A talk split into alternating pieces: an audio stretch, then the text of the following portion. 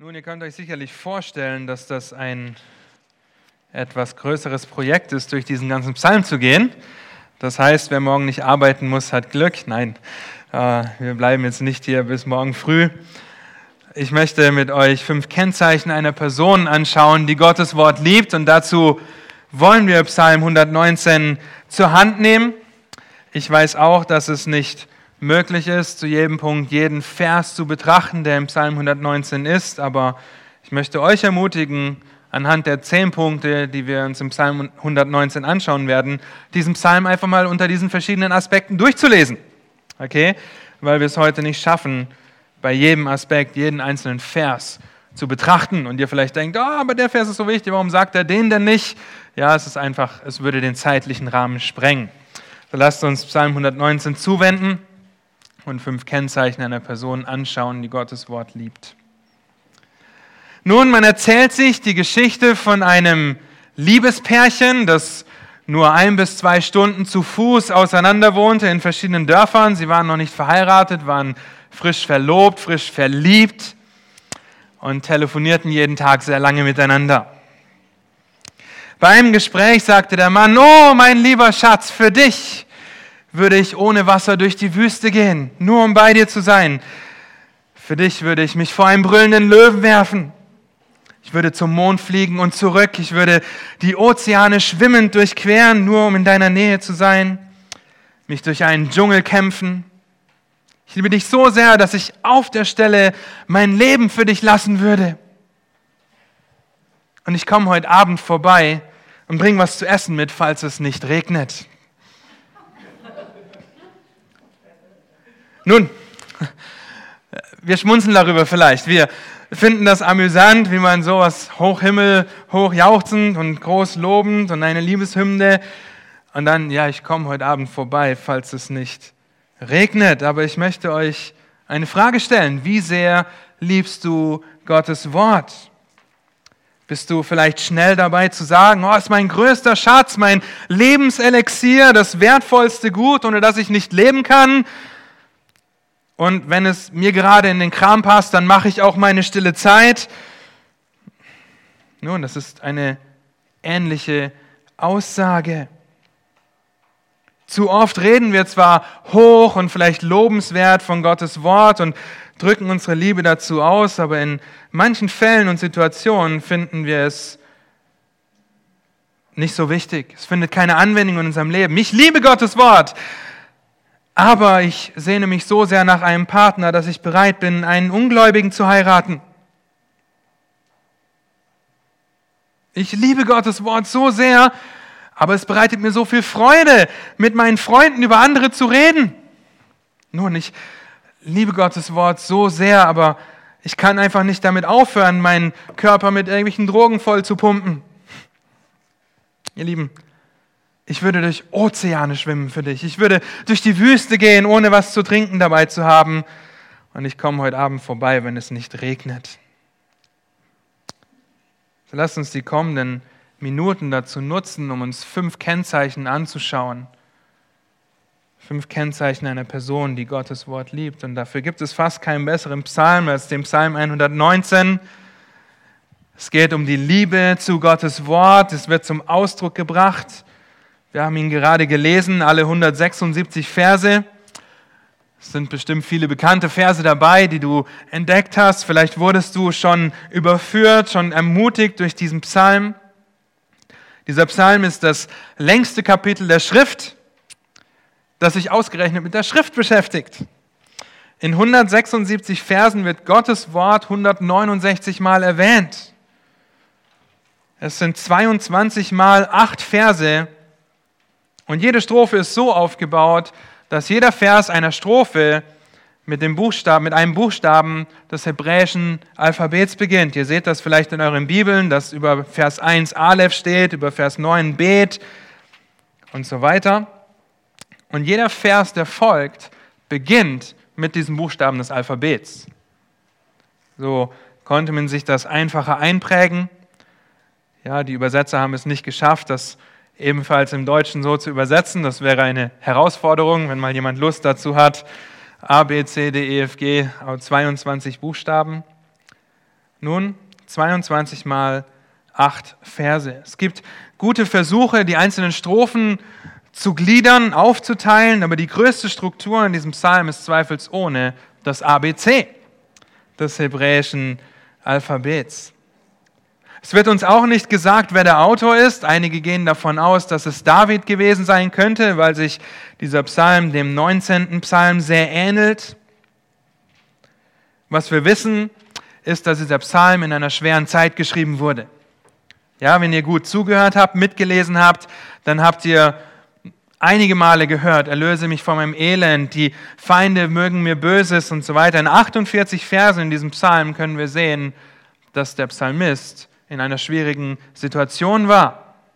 Zum Beispiel ab Vers 81. Da heißt es, meine Seele verlangt nach deiner Hilfe, ich hoffe auf dein Wort. Meine Augen verlangen nach deinem Wort und fragen, wann wirst du mich trösten? Bin ich auch geworden wie ein Schlauch im Rauch, so habe ich doch deine Anweisungen nicht vergessen. Wie viele Tage bleiben noch deinem Knecht? Wann willst du an meinen Verfolgern das Rechtsurteil vollziehen? Die Frechen haben mir Gruben gegraben, sie, die sich nicht nach deinem Gesetz richten. Alle deine Gebote sind Wahrheit, sie aber verfolgen mich mit Lügen. Hilf mir, sie hätten mich fast vertilgt auf Erden. Ich aber verlasse deine Befehle nicht. Belebe mich nach deiner Gnade, so will ich das Zeugnis deines Mundes bewahren. Also wir sehen diese schwierige Situation. Wir können nicht genau feststellen oder festlegen, in welche Zeit dieses, dieser Psalm fällt aber es war eine herausfordernde, eine schwierige Situation. Nicht nur, dass Gottes Wort in diesem Psalm im Mittelpunkt steht, nein, Gott selbst ist das zentrale Thema dieses Psalms. Das habt ihr vielleicht auch festgestellt. Jahwe, das kommt 24 Mal vor. Gott kommt einmal in Vers 115 vor. Aber dann, Personalpronomen, du, deiner, dich, deine, das kommt 211 Mal in 176 Versen vor. Und so ist es ein Prinzip, das hier schon deutlich wird. Wenn du Gottes Wort liebst, dann liebst du Gott. Wenn du Gott liebst, dann liebst du sein Wort. Das bringt dieser Psalmist hier zum Ausdruck. Und hier ist eine Messlatte für uns, für dich, für mich. Liebst du Gott? Nun, wie viel Zeit verbringst du in seinem Wort? Und ich meine nicht einfach nur aus Gehorsam ohne Liebe, das zu lesen und zu denken, oh, das ist ja trocken wie Staub, was soll ich denn damit anfangen? Nun, das ist nicht die Absicht, die Gott mit seinem Wort verfolgt. Seht ihr, Gehorsam ohne Liebe ist genau das, ist einfach nur trocken.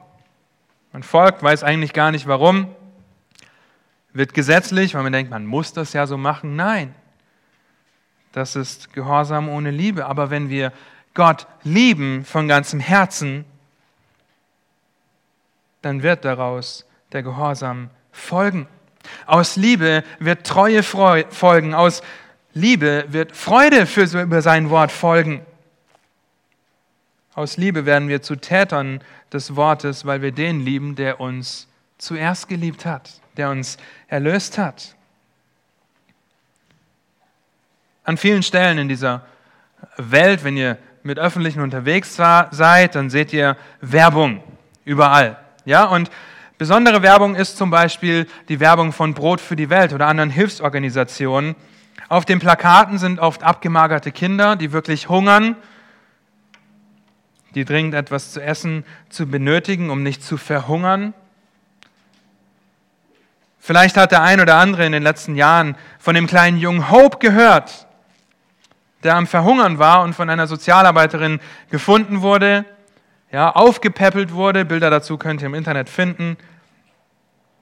Und die Frage, die ich mich, mir stelle, auch wenn ich diese Plakate sehe, wenn ich diese Geschichte lese von diesem Jungen, der dort gefunden wurde, dann frage ich mich, wie ihr hier sitzen würdet. Hätte ich eine geistliche Ernährungsbrille auf?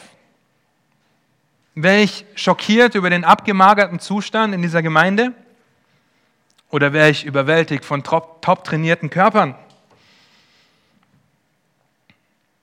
Nun, Hope, dieser kleine Junge, er wurde ernährt.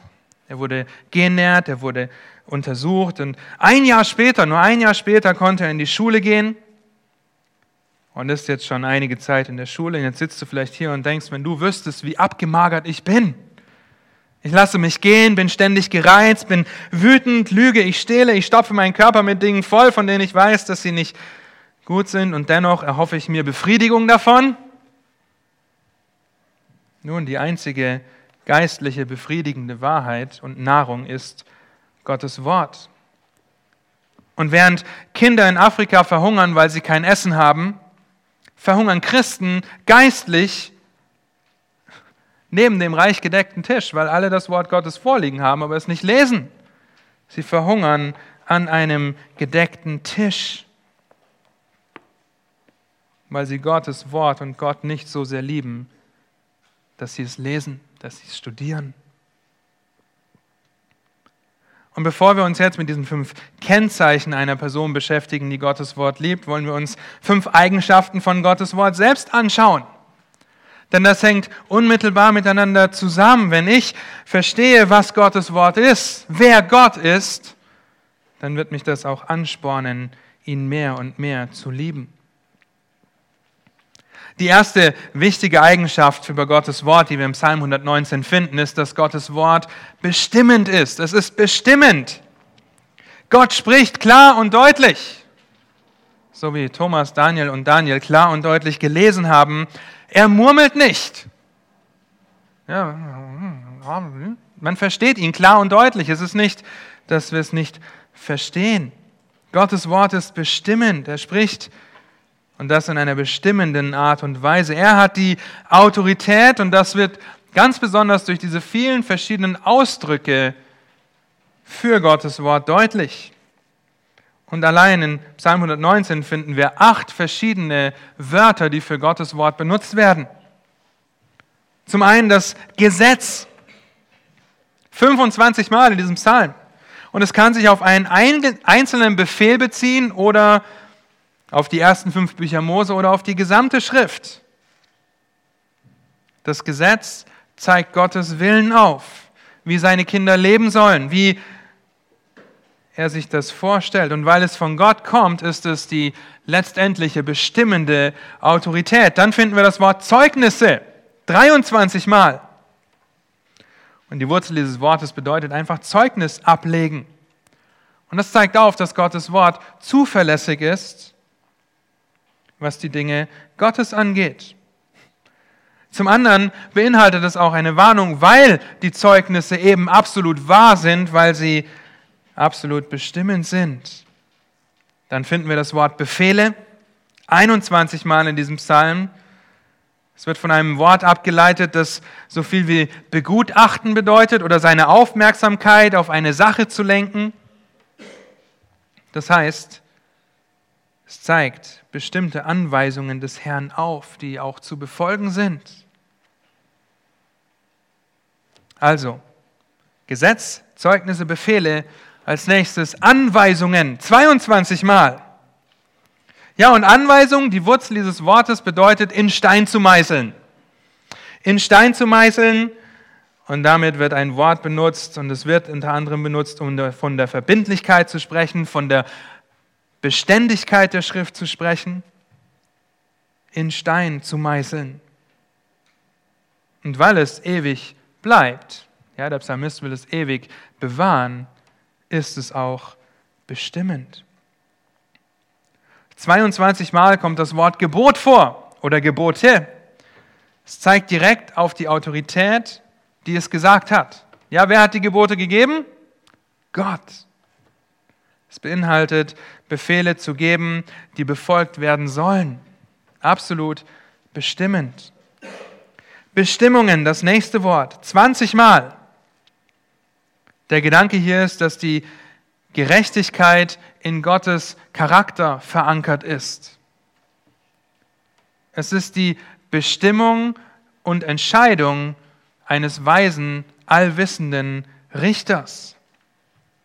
Er bestimmt es und so ist es. Es ist absolut bestimmt. Dann findet ihr das Wort Wort 23 Mal und das Wort Wort 19 Mal. Auch zwei verschiedene Worte für das Wort Wort werden verwendet. Ziemlich viele Worte hier. Ähm, was so viel bedeutet wie einmal, dass Gott gesprochen hat und dann auch, dass er noch spricht. Also einmal die Vergangenheit und einmal die, ähm, die Gegenwart.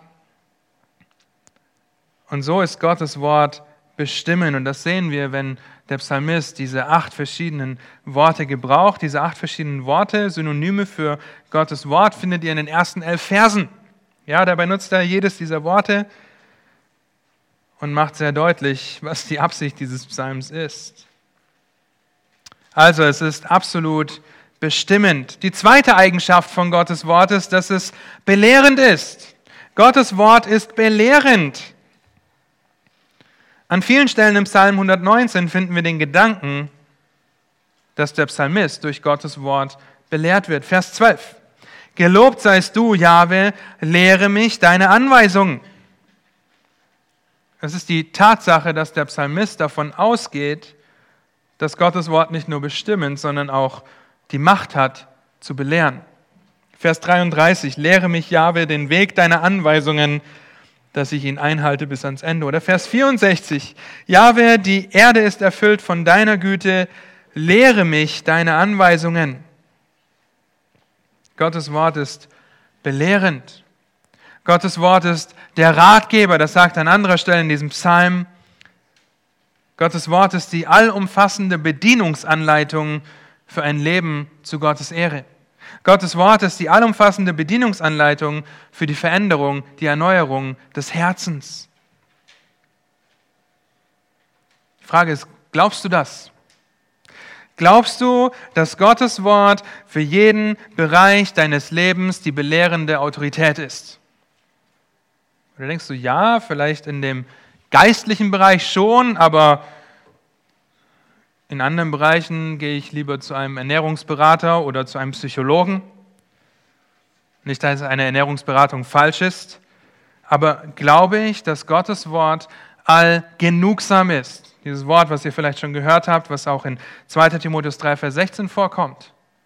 Sie ist genug. Gottes Wort ist genug, um uns zu verändern, um uns in der Heiligung voranzubringen und das in jedem Bereich des Lebens. Und das ist das Gebiet der Jüngerschaft. Das ist das Gebiet der biblischen Seelsorge. Auf diesem Schauplatz wird heute ein mächtiger Kampf ausgeführt, ob denn die Schrift wirklich genug ist oder ob man noch irgendwelche anderen Quellen mit dazu nehmen muss. Und der Psalmist ist sich dessen bewusst, dass Gottes Wort alleine das ist, was ihn belehren kann, selbst in diesen schwierigen Zeiten.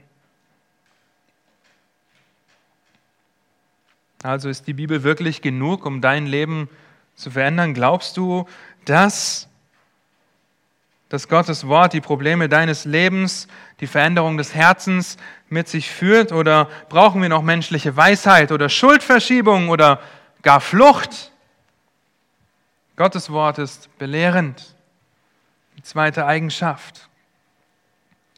Es ist nicht nur bestimmend und belehrend, Gottes Wort ist drittens belebend.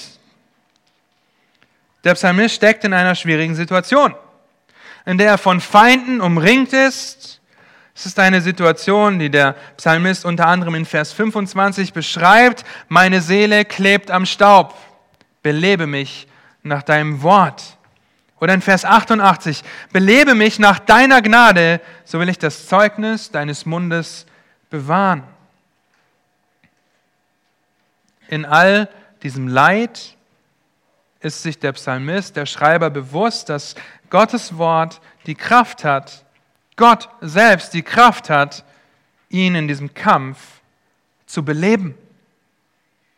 Es sind Gottes Befehle, die den Psalmisten beleben. Nicht der Triumph über Feinde, sondern seine Befehle. Vers 40, siehe, ich sehne mich nach deinen Befehlen. Belebe mich durch deine Gerechtigkeit. Belebe mich durch deine Gerechtigkeit. Im größten Kampf wenn Feinde Lügen über dich verbreiten, wenn sie äh, dich verfolgen, wenn du Leid erfährst in deinem Leben, durch Verlust, durch Krankheit, durch was auch immer die Umstände sein mögen, Gottes Wort ist belebend, bestimmend, belehrend, belebend und viertens, Gottes Wort ist beschützend. Es bietet Schutz. Wenngleich nicht immer auf körperliche Art und Weise, aber es bietet Schutz auf einer ganz anderen, auf einer viel wichtigeren Ebene. Schutz im geistlichen Kampf, in dem wir uns alle ausnahmslos befinden. Es gibt keinen, der nicht in diesem Kampf steht. Wir alle stehen in diesem geistlichen Kampf.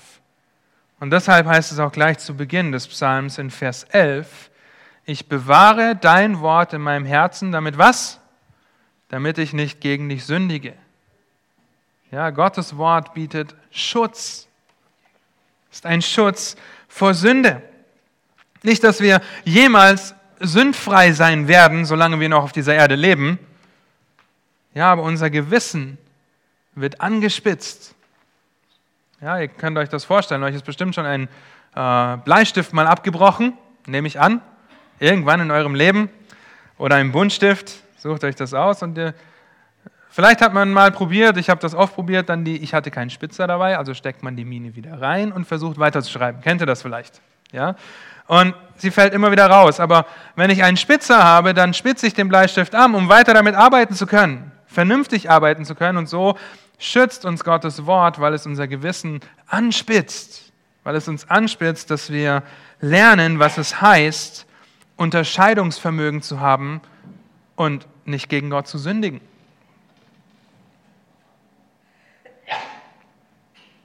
Vers 29 heißt es, Halte den Weg der Lüge fern von mir und begnadige mich nach deinem Gesetz. Oder Vers 105.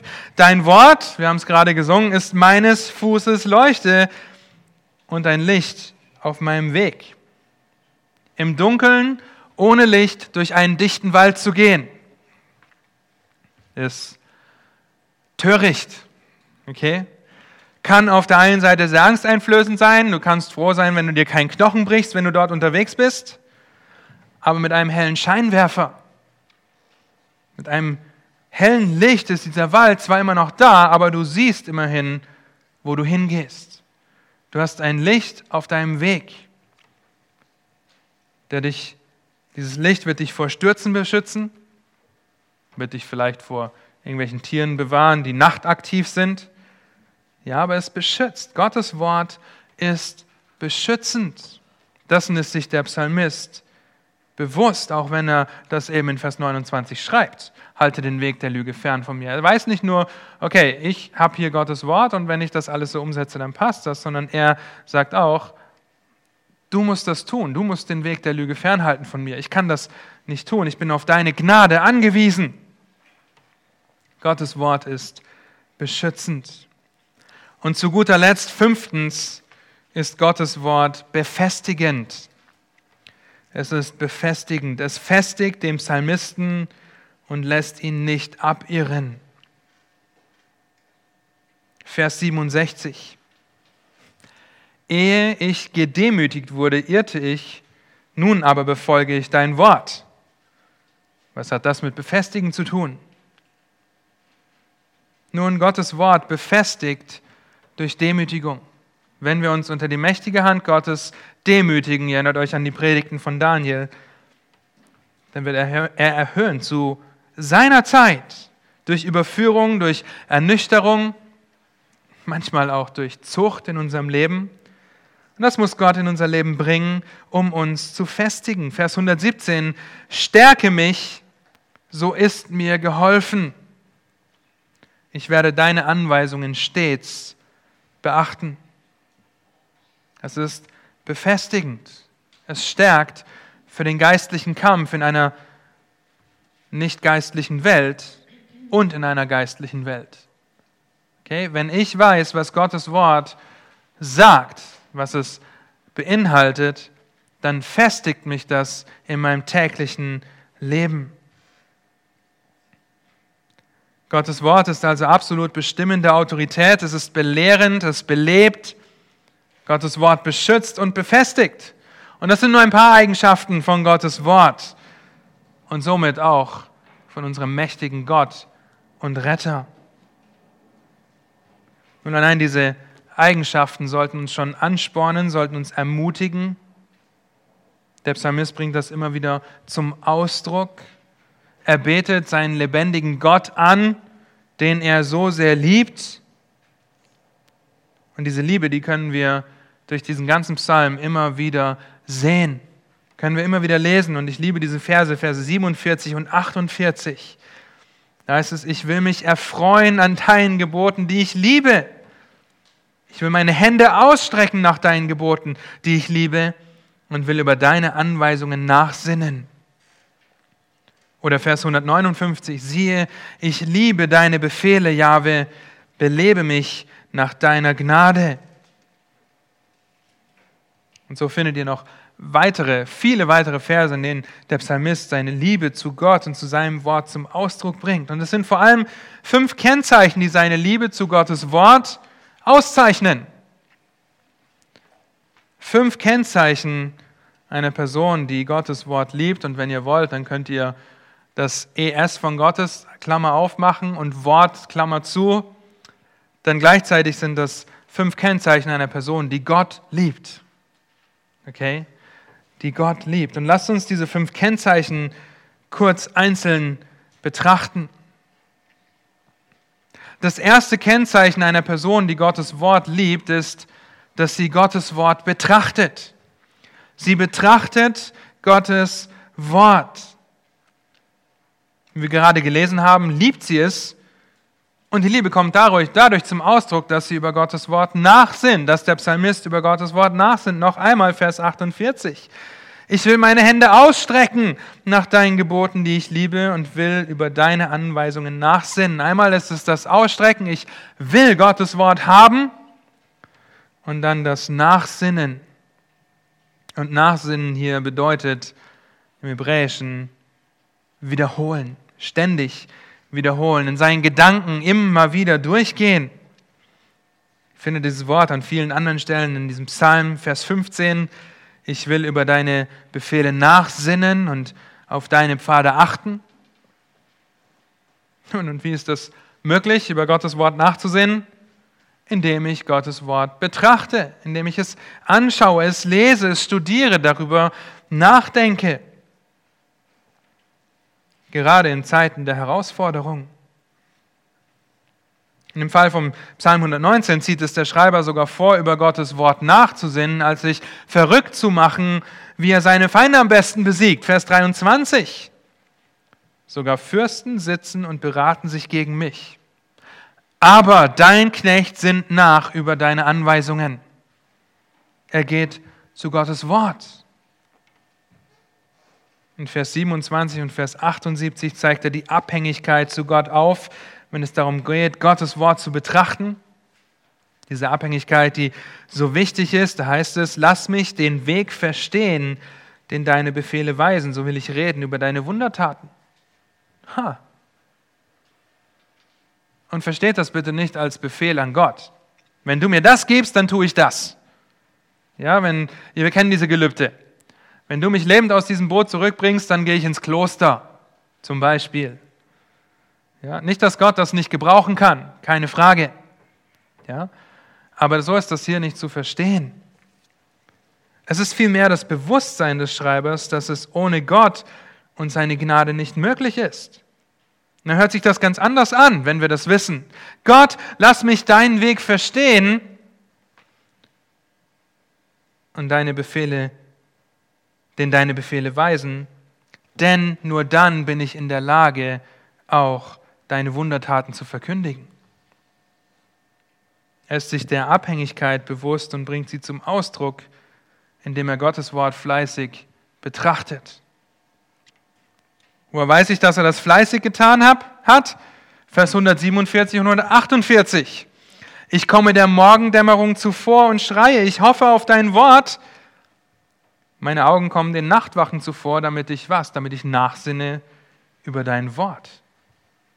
Was ist das Erste am Morgen, das deine Augen sehen, nachdem du aufgewacht bist? Und vielleicht in den Spiegel geguckt hast, ich weiß nicht. Aber was ist das Erste, mit dem du deine Gedanken am Morgen füllst?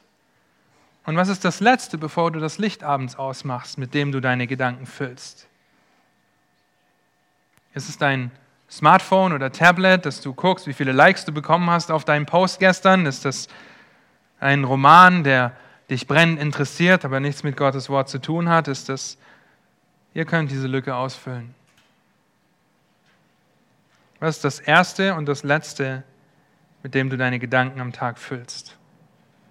Liebe zu Gott drückt sich durch das Betrachten seines Wortes aus. Das ist das erste Kennzeichen einer Person, die Gottes Wort oder Gott selbst liebt. Und die Frage an dich ist, betrachtest du Gottes Wort, liest du es, studierst du es, denkst du darüber nach? Tust du das regelmäßig, täglich?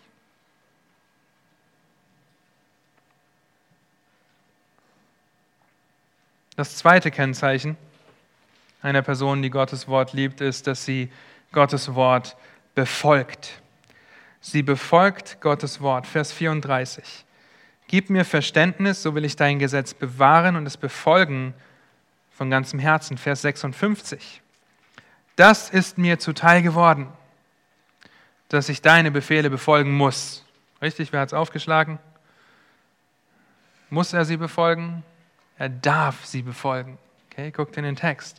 Das ist mir zuteil geworden, dass ich deine Befehle befolgen darf. Ich darf das tun. Vers 60. Ich eile und ich säume nicht, deine Gebote zu befolgen. Befolgen bedeutet etwas zu bewachen, etwas zu erhalten, vorsichtig im Umgang damit zu sein und es zu halten. Es beinhaltet die Idee, mit größter Sorgfalt etwas umzusetzen. Der Stamm dieses Wortes wird zum Beispiel auch dafür benutzt, wenn Gott dem Menschen im Garten Eden, wenn er Adam und Eva sagt, dass sie den Garten bewahren sollen. Sie sollen ihn bepflanzen, sie sollen sich darum kümmern. Und auch dafür, dass man auf dem richtigen Weg bleibt. Dafür das auch benutzt. Und der Psalmist will Gottes Wort genau befolgen. Ja, nicht, weil er die Gesetzlichkeit liebt und denkt, oh, ich muss das alles tun, dann bin ich ein guter Mensch. Nein, sondern weil er seinen Gott liebt, der sich in seinem Wort geoffenbart hat, der Rettung schenkt. Nun, ein amerikanischer Pastor fragte seine Zuhörer bei einer Predigt einmal, was tust du mit den Befehlen in Gottes Wort? Worauf eine ältere Frau freudestrahlend antwortete, ich unterstreiche sie alle blau.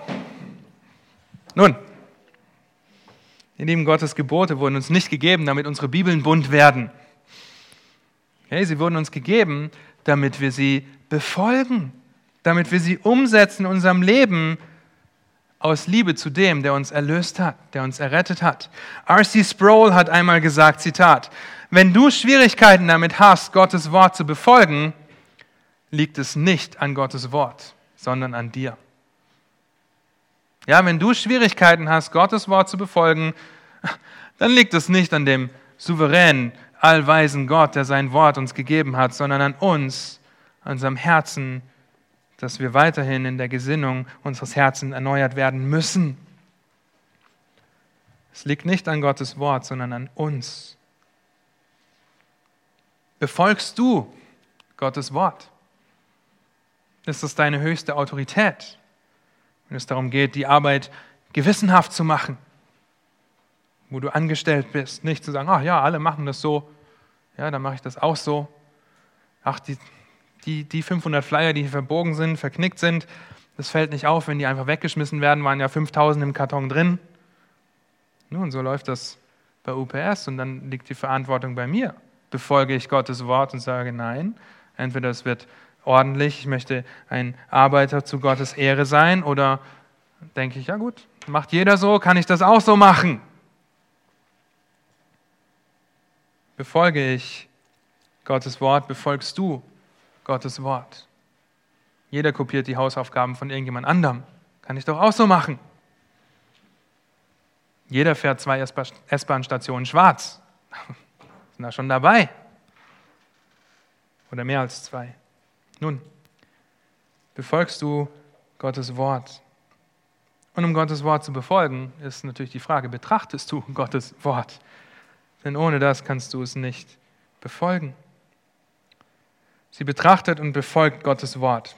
Die, das dritte Kennzeichen ist, dass eine Person, die Gottes Wort liebt oder die Gott liebt, Gottes Wort bewahrt. Sie bewahrt Gottes Wort. Auch diesen Ausdruck bewahren finden wir immer wieder. Vers 2. Wohl denen, die seine Zeugnisse bewahren, die ihn von ganzem Herzen suchen. Immer wieder können wir feststellen, dass es von Herzen kommt. Dass der Schreiber die Liebe zu Gott von Herzen zum Ausdruck bringt. Vers 34 noch einmal, gib mir Verständnis, so will ich dein Gebot, dein Gesetz bewahren und es befolgen von ganzem Herzen. Betrachten, befolgen, bewahren ist voneinander abhängig. Man kann es nicht trennen. Betrachte ich Gottes Wort, will ich es befolgen, will ich es bewahren? Und dann kommen noch zwei Punkte gleich dazu. Wir kennen dieses Bewahren zum Beispiel aus Sprüche 4, Vers 23. Ja, eine Wache ans Herz zu stellen. Was sollen wir bewachen? Gottes Wort in unserem Herzen. Wir sollen es bewahren in unserem Herzen. Ihr erinnert euch daran, dass Maria die Worte des Engels in ihrem Herzen bewahrte. Kenne Gottes Wort so gut, dass du es auswendig kannst und deinem Herzen als einen kostbaren Schatz bewahrst. Vers 44. Ich will dein Gesetz stets bewahren immer und ewiglich. Der Psalmist wollte Gottes Wort in seinem Herzen haben. Ja? Ich weiß, dass es manchen Menschen ist vielleicht möglich, die gesamte Schrift auswendig zu lernen und im Herzen zu bewahren. Aber hast du angefangen, Gottes Wort zu lernen? Hast du angefangen, es zu bewahren in deinem Herzen? Vers 106. Ich habe geschworen und will es halten, dass ich die Bestimmungen deiner Gerechtigkeit bewahren will. Der Schreiber war, zeigt, wie ernst es ihm war, das zu bewahren, was Gott sagt. Sich an die Bestimmungen der Gerechtigkeit Gottes zu erinnern und sie nicht mehr loszulassen in Gedanken. Er tut das mit einer Verpflichtung, mit einer Hingabe, weil er weiß, was die Konsequenz dessen ist, wenn er Gottes Wort bewahrt. Vers 11, ich bewahre dein Wort in meinem Herzen, damit ich nicht gegen dich sündige. Bewahrst du Gottes Wort in deinem Herzen? Lernst du Verse auswendig? Vielleicht ein Ansporn, das als Familie zu tun mit den Lernverskarten. Lernst du gute theologische Lieder auswendig, die du in deinem Herzen bewahrst, damit sie dich wiederum vor Dummheit und Sünde bewahren? Lernst du Gottes Wort? Bewahrst du es in deinem Herzen? Also, sie betrachtet, sie befolgt und sie bewahrt Gottes Wort. Und viertens, vierte Kennzeichen ist, dass sie Gottes Wort bezeugt. Sie bezeugt Gottes Wort. Vers 13. Mit meinen Lippen verkündige ich alle Bestimmungen deines Mundes. Der Schreiber kann gar nicht anders als zu bezeugen, was Gottes Wort sagt. Warum ist das so? Weil er es betrachtet, weil er es befolgt, weil er es bewahrt. Denn wovon das Herz voll ist, davon redet der Mund. Er verkündet Gottes Wort. Ja, mit meinen Lippen verkündige ich alle Bestimmungen. Er proklamiert es, er schreit es heraus. Er macht es fest. Er ruft es aus und er bekennt es öffentlich. Vers 26 ganz genauso. Ich habe meine Wege erzählt und du hast mir geantwortet, Herr, lehre mich deine Anweisungen. Er hat erzählt von seinen Wegen. Natürlich hat er es Gott im Gebet dargebracht, aber wir können davon ausgehen, dass er das auch anderen erzählt hat. Vers 46. Da heißt es, ja, Ich will vor Königen von deinen Zeugnissen reden und mich nicht schämen. Als wir das gelesen haben vorhin, habe ich sofort an Paulus gedacht, dessen einziger Zweck und Grund es war von Gott her, dass er Gottes Namen vor Königen und Nationen verkünden wird und um seines Namens willen leiden wird. Ich will vor Königen von deinen Zeugnissen reden und mich nicht schämen.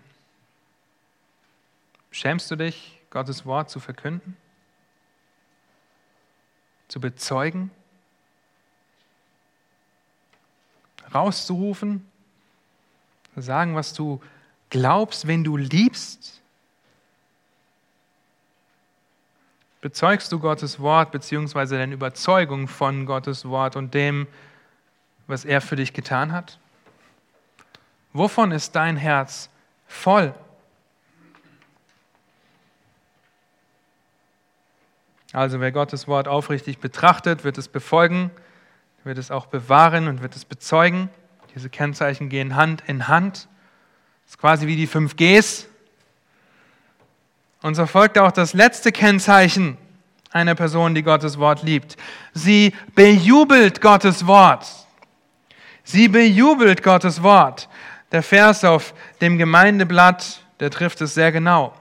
Ich freue mich über dein Wort, wie einer, der große Beute findet. Er bringt seine Freude zum Ausdruck. Nun, vielleicht siehst du Gottes Wort eher als eine bittere Medizin und denkst dir, ja, die Bibel ist zwar bitter, aber gut für das, was weh tut. Im Schwäbischen heißt es, Beiß muss Beiß vertreiben. Ja, also das Böse muss das Böse vertreiben. Ja, das Bittere, das Bittere. Oder ganz nach dem Motto, ein Kapitel am Tag hält den Teufel ab. Ja, one chapter a day keeps the devil away. Oder die Getreidevariante. Die Bibel ist zwar trocken, aber nahrhaft.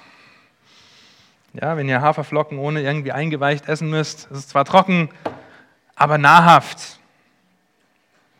Nun, wenn ihr aufmerksam mitgelesen habt, ist das bei weitem nicht der Ansatz, den der Psalmist findet. Für ihn war Gottes Wort die Sahne auf dem Eis, für ihn war es das Fleisch auf dem Grill. Er ist davon überzeugt, dass die Bibel das Süßeste und Beste ist, was man jemals haben kann. Er bejubelt Gottes Wort. Vers 14. Ich freue mich an dem Weg, den deine Zeugnisse weisen, wie über lauter Reichtümer. Vers 16. Ich habe meine Lust an deinen Anweisungen. Dein Wort vergesse ich nicht. Lust ist eine Freude und Begeisterung, die zum Ausdruck gebracht wird. Ja, es sind die Fangesänge auf der Tribüne, der Jubel nach einem Konzert oder die Freude über den Erfolg, die Freude über die Bekehrung eines seiner Kinder. Es ist die absolute Überwältigung, die absolute Überwältigung einer Tatsache, die man nur staunend annehmen kann und jemand muss kommen und dir die Kinnlade wieder hochklappen. Es ist die Begeisterung für einen Film, die Aufregung vor Weihnachten. Und kein Fußballfan würde, wenn er zu dem Spiel seines Vereins geht, sagen, ja, es ist zwar staubtrocken, aber nahrhaft. Mal gucken, was dabei rumkommt. Nein, er wird das bejubeln. Er wird nicht sagen, es ist die Medizin für schlechte Tage. Nun, das mag vielleicht sein, dass er seine Befriedigung darin sucht, aber nein, es ist das i-Tüpfelchen. Das Beste, auf das man sich freut und dessen Freude man zum Ausdruck bringt. Leute, das bedeutet es, Lust an etwas zu haben. Das ist das, was der Psalmist zum Ausdruck bringt. Das ist nicht irgendwas, äh, ich muss es halt machen, sondern ich will, ich freue mich darüber. Vers 24, ja, deine Zeugnisse sind meine Freude. Sie sind mein Ratgeber. Vers 77, lass mir deine Barmherzigkeit widerfahren, dass ich lebe, denn dein Gesetz ist meine Freude. Vers 103, wie süß ist dein Wort meinem Gaumen, mehr als Honig, meinem Mund, von wegen bittere Medizin. Vers 111, deine Zeugnisse sind mein ewiges Erbe, denn sie sind die Wonne meines Herzens. Vers 129. Wunderbar sind deine Zeugnisse, darum bewahrt sie meine Seele. Gottes Worte sind wie Reichtümer, wie Honig und Beute. Sie sind Ratgeber, Wonne und wunderbar. Und die Liebe zu Gott und seinem Wort kennzeichnet sich dadurch, dass Gottes Wort bejubelt wird. Dass es als etwas Kostbares angesehen wird. Die Frage ist, bejubelst du Gottes Wort? Freust du dich über Gottes Wort wie einer, der große Beute findet? Oder denkst du, ah, okay, heute wieder irgendwas lesen in der Schrift, mal gucken, was heute passiert.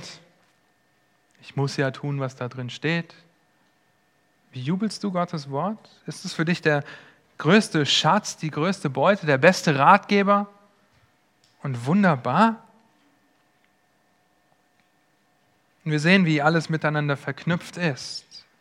Zu betrachten, zu befolgen, zu bewahren, zu bezeugen und zu bejubeln, das entspringt der Liebe zu Gott und seinem Wort. Nun, wenn du dich jetzt fragst und hier sitzt, warum du in einem oder allen dieser Bereiche nachlässig bist, dann ist das dein Liebesbarometer. Oh ja, ich würde durch alle Ozeane schwimmen mich von einem Löwen fressen lassen und ohne Wasser durch eine Wüste ziehen. Das geht nicht mehr, wenn du vom Löwen gefressen wurdest.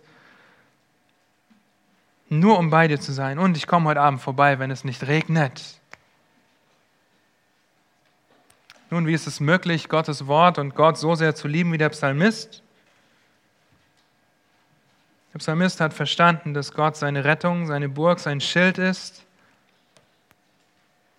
Und Ihr Lieben, die Psalmisten haben gelebt, bevor Jesus die Bildfläche betreten hat. Sie haben sich auf die Verheißungen verlassen. Und wir haben heute den gesamten Ratschluss der Schrift von 1. Mose bis Offenbarung, ein, abgeschlossenes, ein abgeschlossener Kanon, in dem wir Gottes roten Faden komplett sehen, von der ersten Schöpfung bis, wie wir heute Morgen gehört haben, zur letzten Schöpfung, zur neuen Schöpfung. Zu dieser Zeit damals waren es hauptsächlich die fünf Bücher Mose, die verfügbar waren und einige Propheten. Und darüber freut sich der Schreiber schon so sehr. Wie kann er sich so sehr über dritter Mose freuen? Nein, ja, so trocken.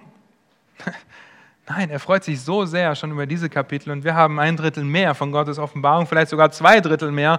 Dass wir haben zwei Drittel mehr Grund, uns zu freuen über Gottes Wort. Vor allem können wir in der Geschichte zurückschauen und können sehen, dass Jesus Christus auf diese Erde gekommen ist, sein Leben für uns gelassen hat, uns zu erlösen, für uns zur Gerechtigkeit, für uns zur Sünde wurde, damit wir zur Gerechtigkeit werden in ihm. Darauf stützen wir uns dahin, schauen wir zurück und dann blicken wir auf und sehen, was vor uns liegt und sehen, wie sehr uns Gott geliebt hat, weil er das in seinem Wort offenbart, dass wir uns darüber noch mehr freuen können. Christus hat dafür bezahlt, für das kein Mensch jemals hätte bezahlen können. Er ist gestorben für die Heiligen in der Vergangenheit, hat für alle Sünden, die von Anfang der Schöpfung bis zum Ende geschehen, am Kreuz bezahlt. Weil er die Welt so sehr liebt, hat Gott seinen Sohn gegeben. Er hat dich, wenn du sein Kind bist, wenn du ihn als Herrn und Retter bezeugst, zuerst geliebt und mit einer Liebe, die unbegreiflich ist, weil wir niemals bestehen könnten vor einem gerechten Gott. Die Frage ist, verstehst du das? Nicht nur verstehst du das auch als Kind Gottes, sondern glaubst du das? Bist du davon überzeugt, dass er das getan hat? Glaubst du, dass er dich so sehr geliebt hat, mit einer Liebe, die unbegreiflich ist? Oder denkst du, ja, eigentlich bin ich ja gar nicht so schlecht? Nun, ist der Herr Jesus dein Herr und Retter? Betrachtest du sein Wort, befolgst du es, bezeugst du es, bewahrst du es und bejubelst du es? Halte dir vor Augen, was Christus für dich getan hat und du wirst beginnen, ihn zu lieben, was dadurch zum Ausdruck kommt, dass du Gottes Wort dir anschaust. Und jetzt? Jetzt bin ich zwar ermutigt, aber weiß auch nicht weiter. Ja, ich bin ermahnt, Gottes Wort mehr zu lieben und möchte da wirklich was an mir arbeiten. Ich möchte weiterkommen. Dazu möchte ich euch fünf praktische Anwendungen, Tipps geben. Das eine reine Anwendung ist, wenn das für dich anders funktioniert, dann ist das gut so. Dann setzt das um. Erstens, beschaffe dir eine gut lesbare Übersetzung. Hol dir eine Bibel, die du gut lesen kannst. Luther 54. Nein, was ist die ganz alte? Ja? Also kein Altdeutsch. Sei denn, du kannst gut Altdeutsch lesen. Ja? Hol dir eine Bibel, die du gut lesen kannst, die bestenfalls aus dem Originaltext, aus dem Urtext übersetzt wurde. Vielleicht kannst du auch mit einer Übertragung beginnen, die gut lesbar ist. Nimm dir zum Beispiel eine NGÜ und lese sie, weil es vielleicht verständlicher ist, aber vergleiche diese Stellen dann mit einer Schlachter- oder Elberfelder Übersetzung. Oder lerne Hebräisch und Griechisch. Das dauert ein paar Jahre. Also, beschaffe dir eine gut lesbare Übersetzung. Zweitens, beschäftige dich systematisch mit der Schrift. Denk nicht, auch heute Morgen mal gucken. Ja, ich zeige meinen Finger drauf. Oh, das ist ja nur die Einleitung zum Buch Malachi. Okay, dann lese ich die heute. Ja, nein. Schlage die Bibel nicht jeden Morgen an einem x-beliebigen Punkt auf und sage dir auch, der Geist wird mich schon leiten. Gehe systematisch vor. Beginne 1. Mose, beginne im Neuen Testament. Erstell dir einen Leseplan oder bitte einen deiner Ältesten, dir einen Leseplan zusammenzustellen. Es gibt Programme, die das gut tun und gut können. Es gibt Bücher, die dazu begleiten, ja, die herausfordernde Fragen dazu stellen zu jedem Kapitel, aber geh systematisch durch die Schrift. Beschäftige dich systematisch mit der Schrift. Drittens, bitte Gott um Weisheit, Ausdauer und Einsicht. Denn genauso wie der Psalmist stehen wir in der Abhängigkeit Gottes dass er uns die Augen öffnet, dass er uns seine Wege wissen lässt. Das heißt auch, vernachlässige das Gebet nicht. Denn ohne die Abhängigkeit von Gott ist deine Herangehensweise an die Schrift Gesetzlichkeit. Ohne zu wissen, warum du das eigentlich tust, ist es Gesetzlichkeit. Wir wollen das tun, weil wir wissen, wer uns erlöst hat. Viertens, beständig im Lesen der Schrift. Zeige Beständigkeit. Ja, wenn du einen Tag auslässt, dann sei nicht gleich frustriert und fang nie wieder an, Gottes Wort zu lesen. Zwei Tage die Woche sind besser als keiner. Fünf Tage sind besser als drei. Bleibe beständig dran. Lies Gottes Wort. Und stell dir die Frage, wie oft lese ich Gottes Wort in der Woche? Ja? Kannst du mir vielleicht sagen, ja, ich lese regelmäßig in Gottes Wort. Einmal alle drei Monate schlage ich es auf. Das ist regelmäßig, okay? Das ist eine Regelmäßigkeit. Aber wie oft schlägst du Gottes Wort während der Woche auf? Wie regelmäßig tust du das und wie beständig bist du dabei?